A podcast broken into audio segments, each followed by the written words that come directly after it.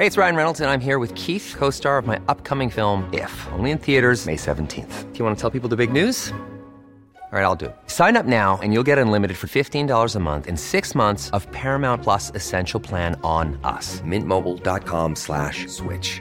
Upfront payment of $45 equivalent to $15 per month. Unlimited over 40 gigabytes per month. Face lower speeds. Videos at 480p. Active Mint customers by 531.24 get six months of Paramount Plus Essential Plan. Auto renews after six months. Offer ends May 31st, 2024. Separate Paramount Plus registration required. Terms and conditions apply if rated PG. Millions of people have lost weight with personalized plans from Noom. Like Evan, who can't stand salads and still lost 50 pounds. Salads, generally, for most people, are the easy button, right? For me, that wasn't an option. I never really was a salad guy. That's just not who I am. But Noom worked for me. Get your personalized plan today at Noom.com. Real Noom user compensated to provide their story. In four weeks, the typical Noom user can expect to lose one to two pounds per week. Individual results may vary.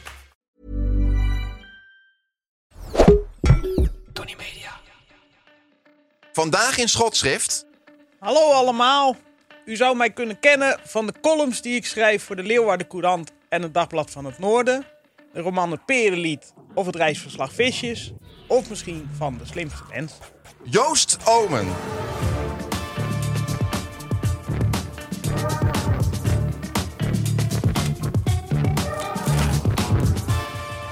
There is no strife, no prejudice, no national conflict in outer space as yet. Its hazards are hostile to us all. Its conquest deserves the best of all mankind.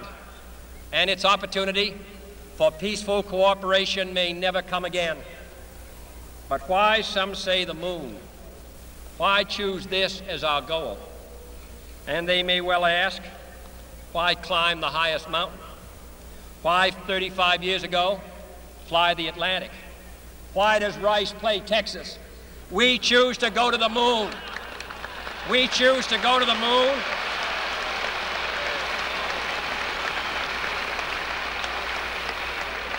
We choose to go to the moon in this decade and do the other things. Not because they are easy, but because they are hard. In 1968 ging ik niet naar de maan. Ik zat niet opgesloten in de capsule van de Apollo 8, niet ingeklemd tussen de astronauten Borman, Lovell en Anders. Niet draaide ik in het donker met ze mee langs de achterkant van het mysterieuze hemellichaam. Ik mocht geen passage voorlezen uit het Bijbelboek Genesis, live uitgezonden op kerstochtend in de huiskamers van miljarden gezinnen wereldwijd, met de krakende radiostemmen van drie mannen die verder weg waren dan iemand ooit was gegaan. Nog mocht ik na afloop van de missie op de thee komen in het Witte Huis om ruimtecake versierd met fondant-astronauten te eten. Maar ik was er wel. In 1969 ging ik niet naar de maan. Ik zat niet hoog, in een nauwe cockpit, opgesloten bovenop een enorme vuurpijl met talloze liters vloeibaar zuurstof en kerosine erin, te bibberen van angst en hoop met de ogen van alle mensen op het puntje van mijn raket. Ik hoefde niet naar de wc in een zakje. Ik had niet gevriesdroogde spaghetti uit eenzelfde zakje.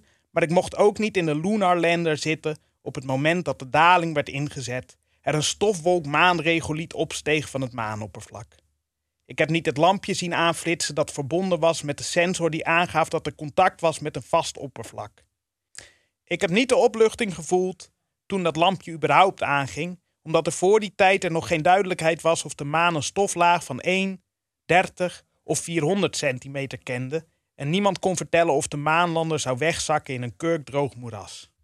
Ik heb niet de deur open horen gaan om de zwarte hemel boven de maan door een glinsterend vizier te zien. Ik heb geen eerste stap gezet. Maar ik was er wel. En met mij waren er duizenden anderen. Jongens en meisjes en alles daartussenin of buitenom keken naar de maan, keken naar de sterren en smachten ernaar. Ze gingen mee met de Apollo 13, zelfs of juist op het moment dat daarin een tank ontplofte en het zwaar beschadigde schip met behulp van een multomap, een witte sok en de sterren weer naar huis navigeerde. Ze reisden mee met de Voyagers toen die in de jaren 70 langs Jupiter en Saturnus raasden. Zelfs vandaag de dag zitten er nog jonge kinderen, oude mannen, huisvrouwen en ikzelf in het wagentje dat Apollo 15 naar de maan bracht. Ik zie de volledig lege maanhorizon en rijd erop af. Ik schrijf mijn naam in het maanstof dat op het dashboard achterblijft. En ik weet dat er nooit een wind zal waaien. Nooit een regenbui zal vallen. die mijn naam hier vandaan zou halen. En toch ben ik geen astronaut geworden. Ik werd dichter. Moonlight in Vermont. I see finger waves, ski trails on a mountainside, snow light in Vermont. Want de maan is een grapefruit. De maan is van dichters. Al voor meer dan 100 generaties houden dichters van de maan en is die liefde wederzijds. De maan vond het prima om met haar licht in een geliefde haar haar te spelen. Om een vriendelijk, huilend of zingend gezicht te trekken. Om een taart, een muntstuk of een druppel olijfolie te zijn. Dichters droomden dat de maan erbij was op een katerige vroege ochtend na een beschonken nacht ergens op een strand in Nicaragua. Je bent beroofd van je geld en je kleren, maar de branding ruist en de maan schijnt. Dichters haalden de maan erbij op een landweg, door geel licht verspreidende straatlantaarns beschenen, ergens in een muisstil, besneeuwd landschap in Vermont. De maan staat hoog aan de hemel boven miljoenen steden en Siberische oerbossen. Ze lacht grijs-wit naar beneden wanneer in de woestijn de laatste wilde Sahara-leeuw zijn harige poten op het zand zet. Want de maan is niet gemaakt van stof, vulkanisch glas, meteorieten, gruis, water en helium. De maan is gemaakt van een grijze geit die liefdesliedjes op een berkenhouten blokfluit speelt. De maan is romantisch. Om die reden moeten er dichters zijn die beslissen wat er met de maan gebeurt. Een paar weken terug probeerde NASA de eerste raket van de Artemis-missies te lanceren. Hoewel de lancering vooralsnog mislukte, is het nog steeds de bedoeling dat in 2025 er voor het eerst sinds de jaren 70 weer mensen op de maan lopen. NASA wordt bij dit project geholpen door de ruimtevaartbedrijven van Jeff Bezos en Elon Musk. Zij doen dit niet puur uit idealisme. Op de maan zijn tal van delfstoffen aanwezig die nodig zijn voor de technologische industrie op aarde. Het meest in het oog springende hiervan is helium-3, waarvan een kilo al 3 miljoen dollar waard is. Meerdere bedrijven hebben aangegeven binnen 20 jaar met mijnbouw op de maan te beginnen. Die mijnbouw zal veelal ondergronds plaatsvinden, maar de benodigde energie die hiervoor nodig is, wordt gewonnen met grote velden aan zonnecollectoren, zonnecollectoren die wij vanaf de aarde kunnen zien. Binnen 20 jaar kijk je niet meer naar een mysterieuze melkwitte gloeilamp, maar naar een industrieterrein. De missies die nu naar boven gaan, hebben als doel te onderzoeken waar en hoe dit industrieterrein kan worden aangelegd. Spaarzaam gaan er stemmen op om de maan dezelfde status als Antarctica te geven, de status van, van natuurgebied, maar tegelijkertijd wordt er door NASA onderzocht hoe je met een stelsel van vergunningen de mijnbouw op de maan nu al kunt legaliseren. Als er niet gehandeld wordt, gaat de romantische maan definitief verloren. Daarom is het van groot belang dat er een dichter directeur van NASA wordt. Want ik wil niet dat de maan iets van haar romantiek verliest. Maar tegelijkertijd wil ik wel in de maanlanders Apollo 8, 11, 15 en verder blijven zitten.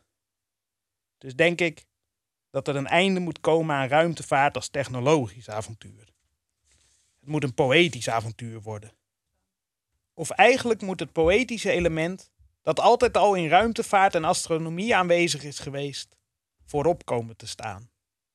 Dat is gerechtvaardigd, want zoals ik net al zei, de maan is altijd al van dichters, zoals hoogspanningskabels van techneuten zijn. Er moeten missies naar de maan gaan die witte bloemen brengen, of een blokfluit, of een oude leeuw in een tweedehands astronautenpak. Ik wil een ruimtereis die voor het eerst sneeuw naar boven brengt. Een poëtische missie is mooi en waardevol. Waardevol vanwege dat mooi. Waardevoller dan een missie die de maan uiteindelijk sloopt. Op het moment dat we besluiten dat we ook in mooie missies ons geld en moeite mogen steken, leren we een les die eveneens voor het hemellichaam waar we nu zijn belangrijk is. Good night, bird. Hmm. Boy, look at that moon. Isn't that pretty? Did you ever think you might like to visit the moon? Well, I did.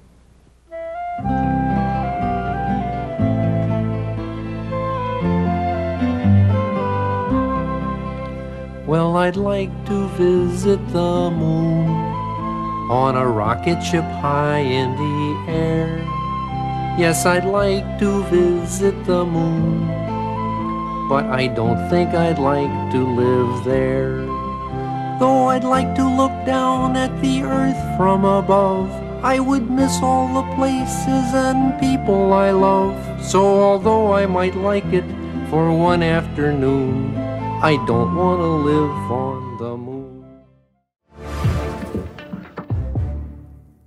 Normaal gesproken nemen columnisten alleen de maatschappij onder schot. Maar in schotschrift nemen wij direct daarna ook de columnist onder schot. Joost Ome. Ja, De maan is van dichters, betoog jij. ja. Maar in wezen, met hun geschrijf en eh, lyriek, eigenen zij zich de maan toe.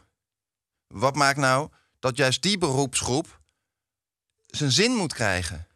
Nou, omdat het mijn beroepsgroep is en ik mocht betogen. Dus eh, ja, dat, dat, Het is echt een- alleen maar op gevoel gebaseerd. Er valt geen argument Ja, ergens nee, ik vind te dat. slepen. nee, jawel, dichters gaan ook het, het, eh, het, vind ik, het mooiste met de, de, de, de maan om. Het voorzichtigste ook en het, en het ja, veel, veel afstand. Ja, veel afstand ook, dan maak je ook niks kapot. Maar toch wel heel betrokken. Dus dat, dat, dat vind ik eh, al reden genoeg om de maan aan de dichters over te laten. Want als je en betrokken kunt zijn en heel veel afstand kunt houden waardoor die niet kapot gaat, dan ben je volgens mij heel goed bezig. De maan is van dichters. Ja. Zou jij mooie voorbeelden met ons kunnen delen? Over wat dichters met de maan hebben gedaan. Iets waarmee wij Oh, geprikkeld dat raken en zeggen van eigenlijk eh hemeltje. Ja, eh, de maan zou alleen al van dichters moeten zijn omdat hij van Federico Garcia Lorca zou moeten zijn. Federico Garcia Lorca is een geweldige dichter uit Spanje.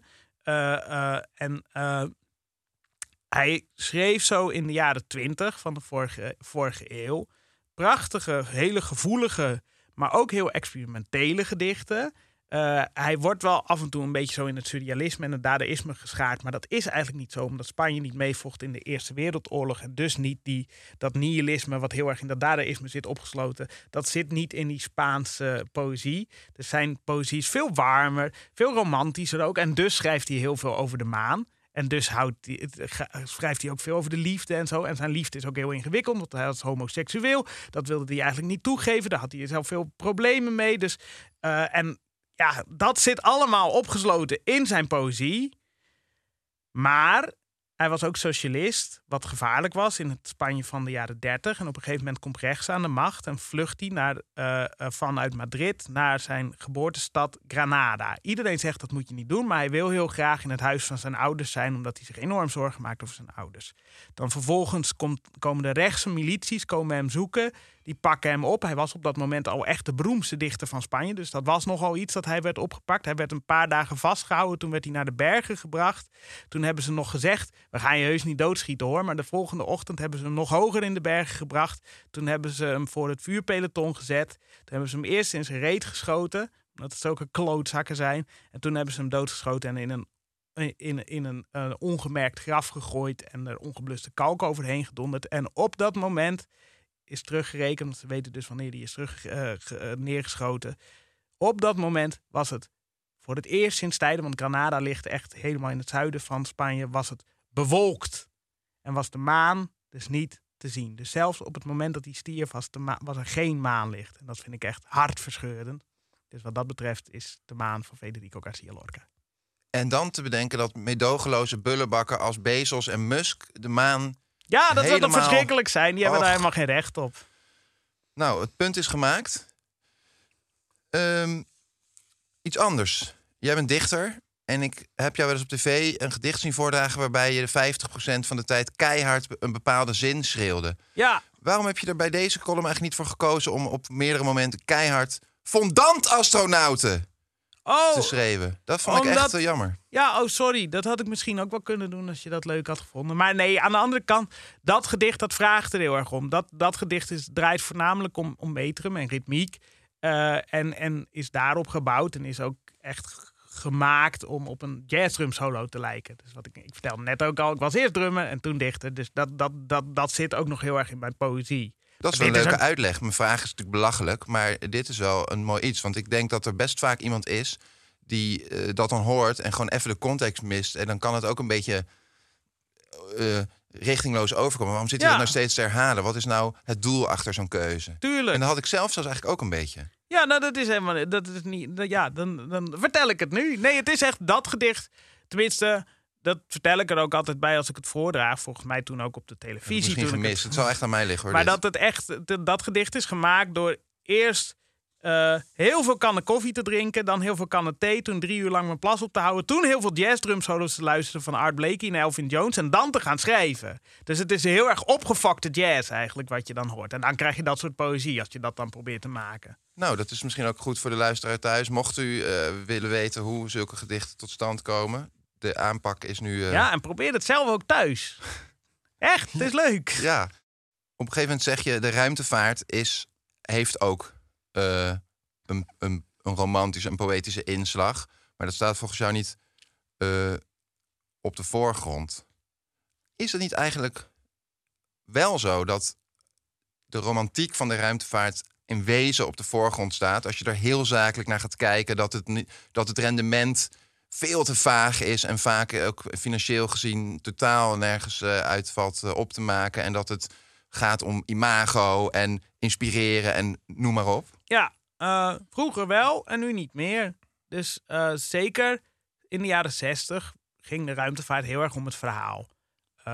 Vooral een heel geopolitiek verhaal. Dus het was echt een wedstrijdje tussen Rusland en Amerika.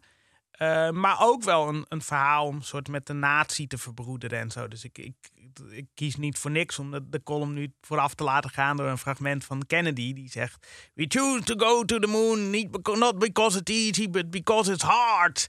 Ik- sorry voor mijn verschrikkelijke accent. Maar eh, dat, da- daar zit zeker een, een verhaal in en een zekere romantiek in. En, en dat staat zeker daarin wel op de voorgrond. Daarom spreekt het ook zoveel mensen aan. Maar wat er nu gebeurt, is een heel andere manier van ruimtevaart die bijna geen verhalen oproept. Dus bijvoorbeeld het feit dat er nu echt om de haverklap satellieten de, de lucht in worden geschoten. En dat het veel te druk raakt in de, de baan om de aarde. En dat dat ook gevaarlijk wordt. Want op, eh, een paar jaar terug zijn bijvoorbeeld een Russische en een Amerikaanse satelliet tegen elkaar opgeklapt. eh, en allebei in gruzelementen geslagen. Waardoor er nu allemaal ruimtegruis ook om de aarde eh, zweeft. Ja, dat weet bijna niemand. En waarom weet bijna niemand dat? Omdat daar geen goed verhaal in zit. Dan zeg je wel iets heel moois waar ik graag op inhaak. Want als je het specifiek over satellieten hebt, is het eh, helemaal waar wat je zegt. Al gaat het uiteraard ook om onbemande ruimtevaart. Maar eh, Maar de, precies vo- dat de laatste... Voyagers zijn ook onbemande ruimtevaart. Hè? En daar zit wel een zekere romantiek in. Touché. Maar dat laatste wat je zei, daar zit geen verhaal in. Eh, ik heb daar nog een ander beeld bij. Want die, volgens mij is die bemande ruimtevaart zoals het, men het nu voor zich ziet... nog steeds alleen maar imago. En dat iedere nuchtere wetenschapper... en ik lees daar graag over... die is, neemt het gewoon niet eens serieus.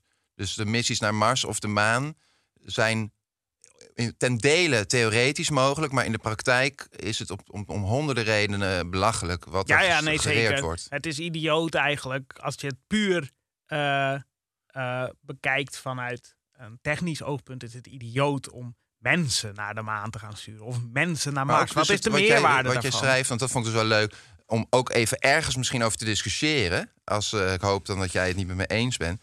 Dat, ehm, zover ik me laat informeren, is het eh, winnen van delfstoffen, in ieder geval zeg maar de komende eeuwen, dus in onze tijd van de mensheid, helemaal niet een relevant eh, iets. Op geen enkel manier ook. In de ruimte bedoel je? Ja, en eh, dat geldt in nog veel grotere mate voor alle plannen die Musk dan altijd zegt te hebben met eh, Mars. Ja. In heb jij daar mening over? Ja, in Mars, de- op wa- op wat Mars betreft ben ik het volledig met je eens. Wat de maan betreft niet. Mhm. Ik denk dat daar zeker binnen 20 jaar wel, tenminste, wat, ja, wat ik erover hoor. Ik luisterde dan netjes podcasten over van de BBC en zo. En Ja, ik ben ook geen echte kenner. Ik lees ook hier en daar. Ja, ja. ik, ben, eh, ik werk ook niet bij eh, de, de ESA, maar in ieder geval. De disclaimers zijn uitgesproken. Maar nee, ja, wat ik erover lees en hoor, is dat dat wel zeker eh, wel degelijk een, een mogelijkheid is. En zij zeggen dan binnen 20 jaar. Bij ruimtevaart is het wel zo dat er altijd enorm veel uitstel is. Dus het zal vast binnen 50 jaar zijn. Maar ook dan leef ik nog, want ik ben nu 30, dan ben ik 70. En ik wil niet op mijn zeventigste naar de maan kijken als een industrieterrein. We hebben het over romantiek, we hebben het over poëzie. En we hebben het dus ook over het onbekende. Dus eigenlijk eh, gaat er romantiek verloren, zo lijkt het, als we de maan helemaal tot het bekende gaan eh, maken. Hoe kijk je daar tegenaan? Is het onbekende ook de romantiek? Net zoals dat de Verenigde Staten als een idyllisch mooi iets werden beschreven, juist voordat het gekoloniseerd was? Ja, dat is een goede vraag. Dank je. Uh, ja. Ik weet het niet. Of ja, dit- ik denk dat het wel geldt voor het poëtische element in de maan. Dat je naar. Dat het, het- ik denk dat, dat de. Die idiote. eh, contradictie tussen. Het is inderdaad volstrekt onbekend. Het is eh, dit nu niet meer, want er zijn al twaalf mannen daar rondwezen lopen. Maar goed, alsnog is het echt een vreemde wereld. Tegelijkertijd is het natuurlijk een extreem bekend en, en dichtbij ding. Elke keer wanneer je dronken over straat fietst, is de maan erbij. Elke keer als je klein jongetje 11 Maarten ging eh, Sint Maarten ging eh, eh, lopen, zag je de maan. En ik denk dat die, dat, dat, dat die vreemde contradictie, die allebei in zo'n gek bolletje besloten ligt, dat het een poëtisch element maakt. Joost. Op het moment dat we besluiten dat we ook in mooie missies ons geld en moeite mogen steken, leren we een, een les die even, even, eveneens voor het hemellichaam waar we nu zijn belangrijk is. Zou je ons wat meer over die les willen vertellen? Nou, die we ik denk dat leren? het heel goed is wanneer we besluiten dat niet elk, eh, elk ding wat we doen een technologisch of economisch nut moet hebben, maar dat het ook goed is om daadwerkelijk mooie dingen te doen en daar ook wat geld aan te best- besteden, bijvoorbeeld belastinggeld. Dus ja, eh, die laatste zin is ook wel gewoon weer een kleine verdediging van de cultuursector.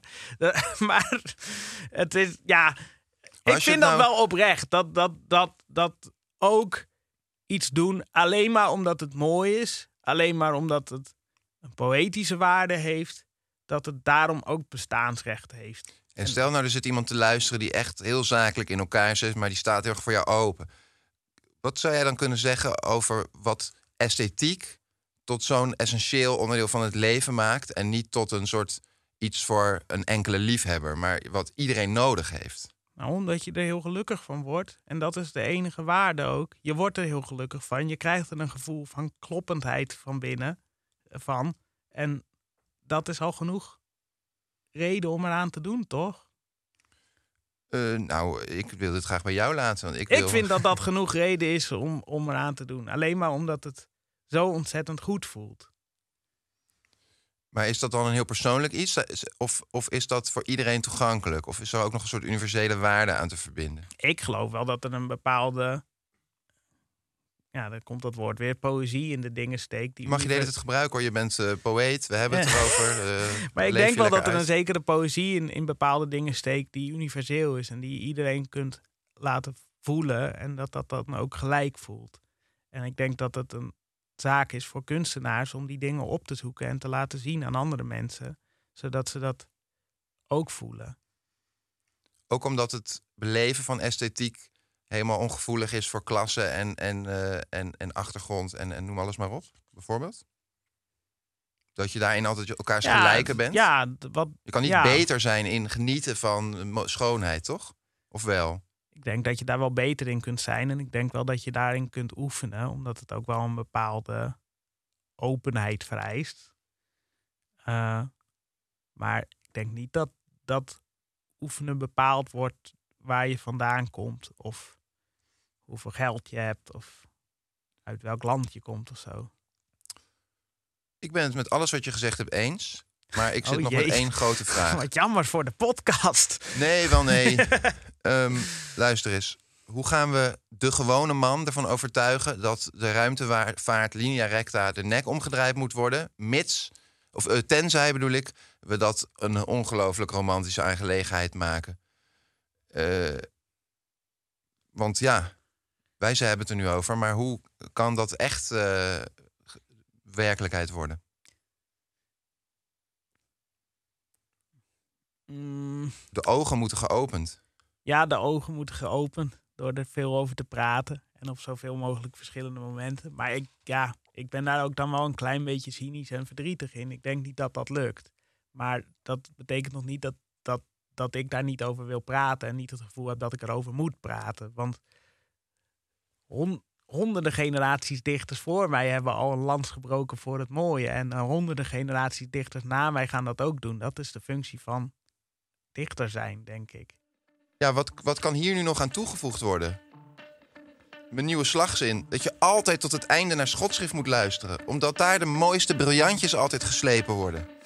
En de emoties die daaruit voortvloeien, eh, die kun je dan de vrije ruimte geven. Joost, heel erg bedankt. Alsjeblieft. En eh, ik hou vanaf vandaag drie keer zoveel van poëzie. Dat is fijn. Dat was, ja, dan heb ik alweer één iemand gewonnen.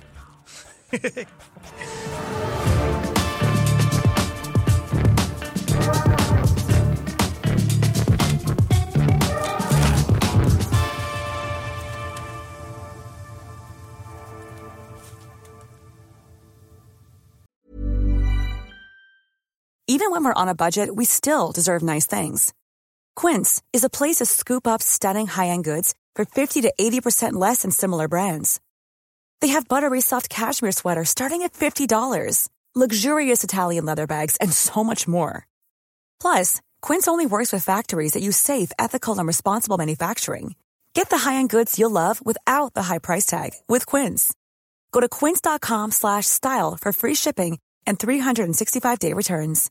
Hey, it's Paige DeSorbo from Giggly Squad. High quality fashion without the price tag. Say hello to Quince. I'm snagging high-end essentials like cozy cashmere sweaters, sleek leather jackets, fine jewelry, and so much more. With Quince being 50 to 80% less than similar brands. And they partner with factories that prioritize safe, ethical, and responsible manufacturing. I love that. Luxury quality within reach. Go to quince.com slash style to get free shipping and 365 day returns on your next order. Quince.com slash style.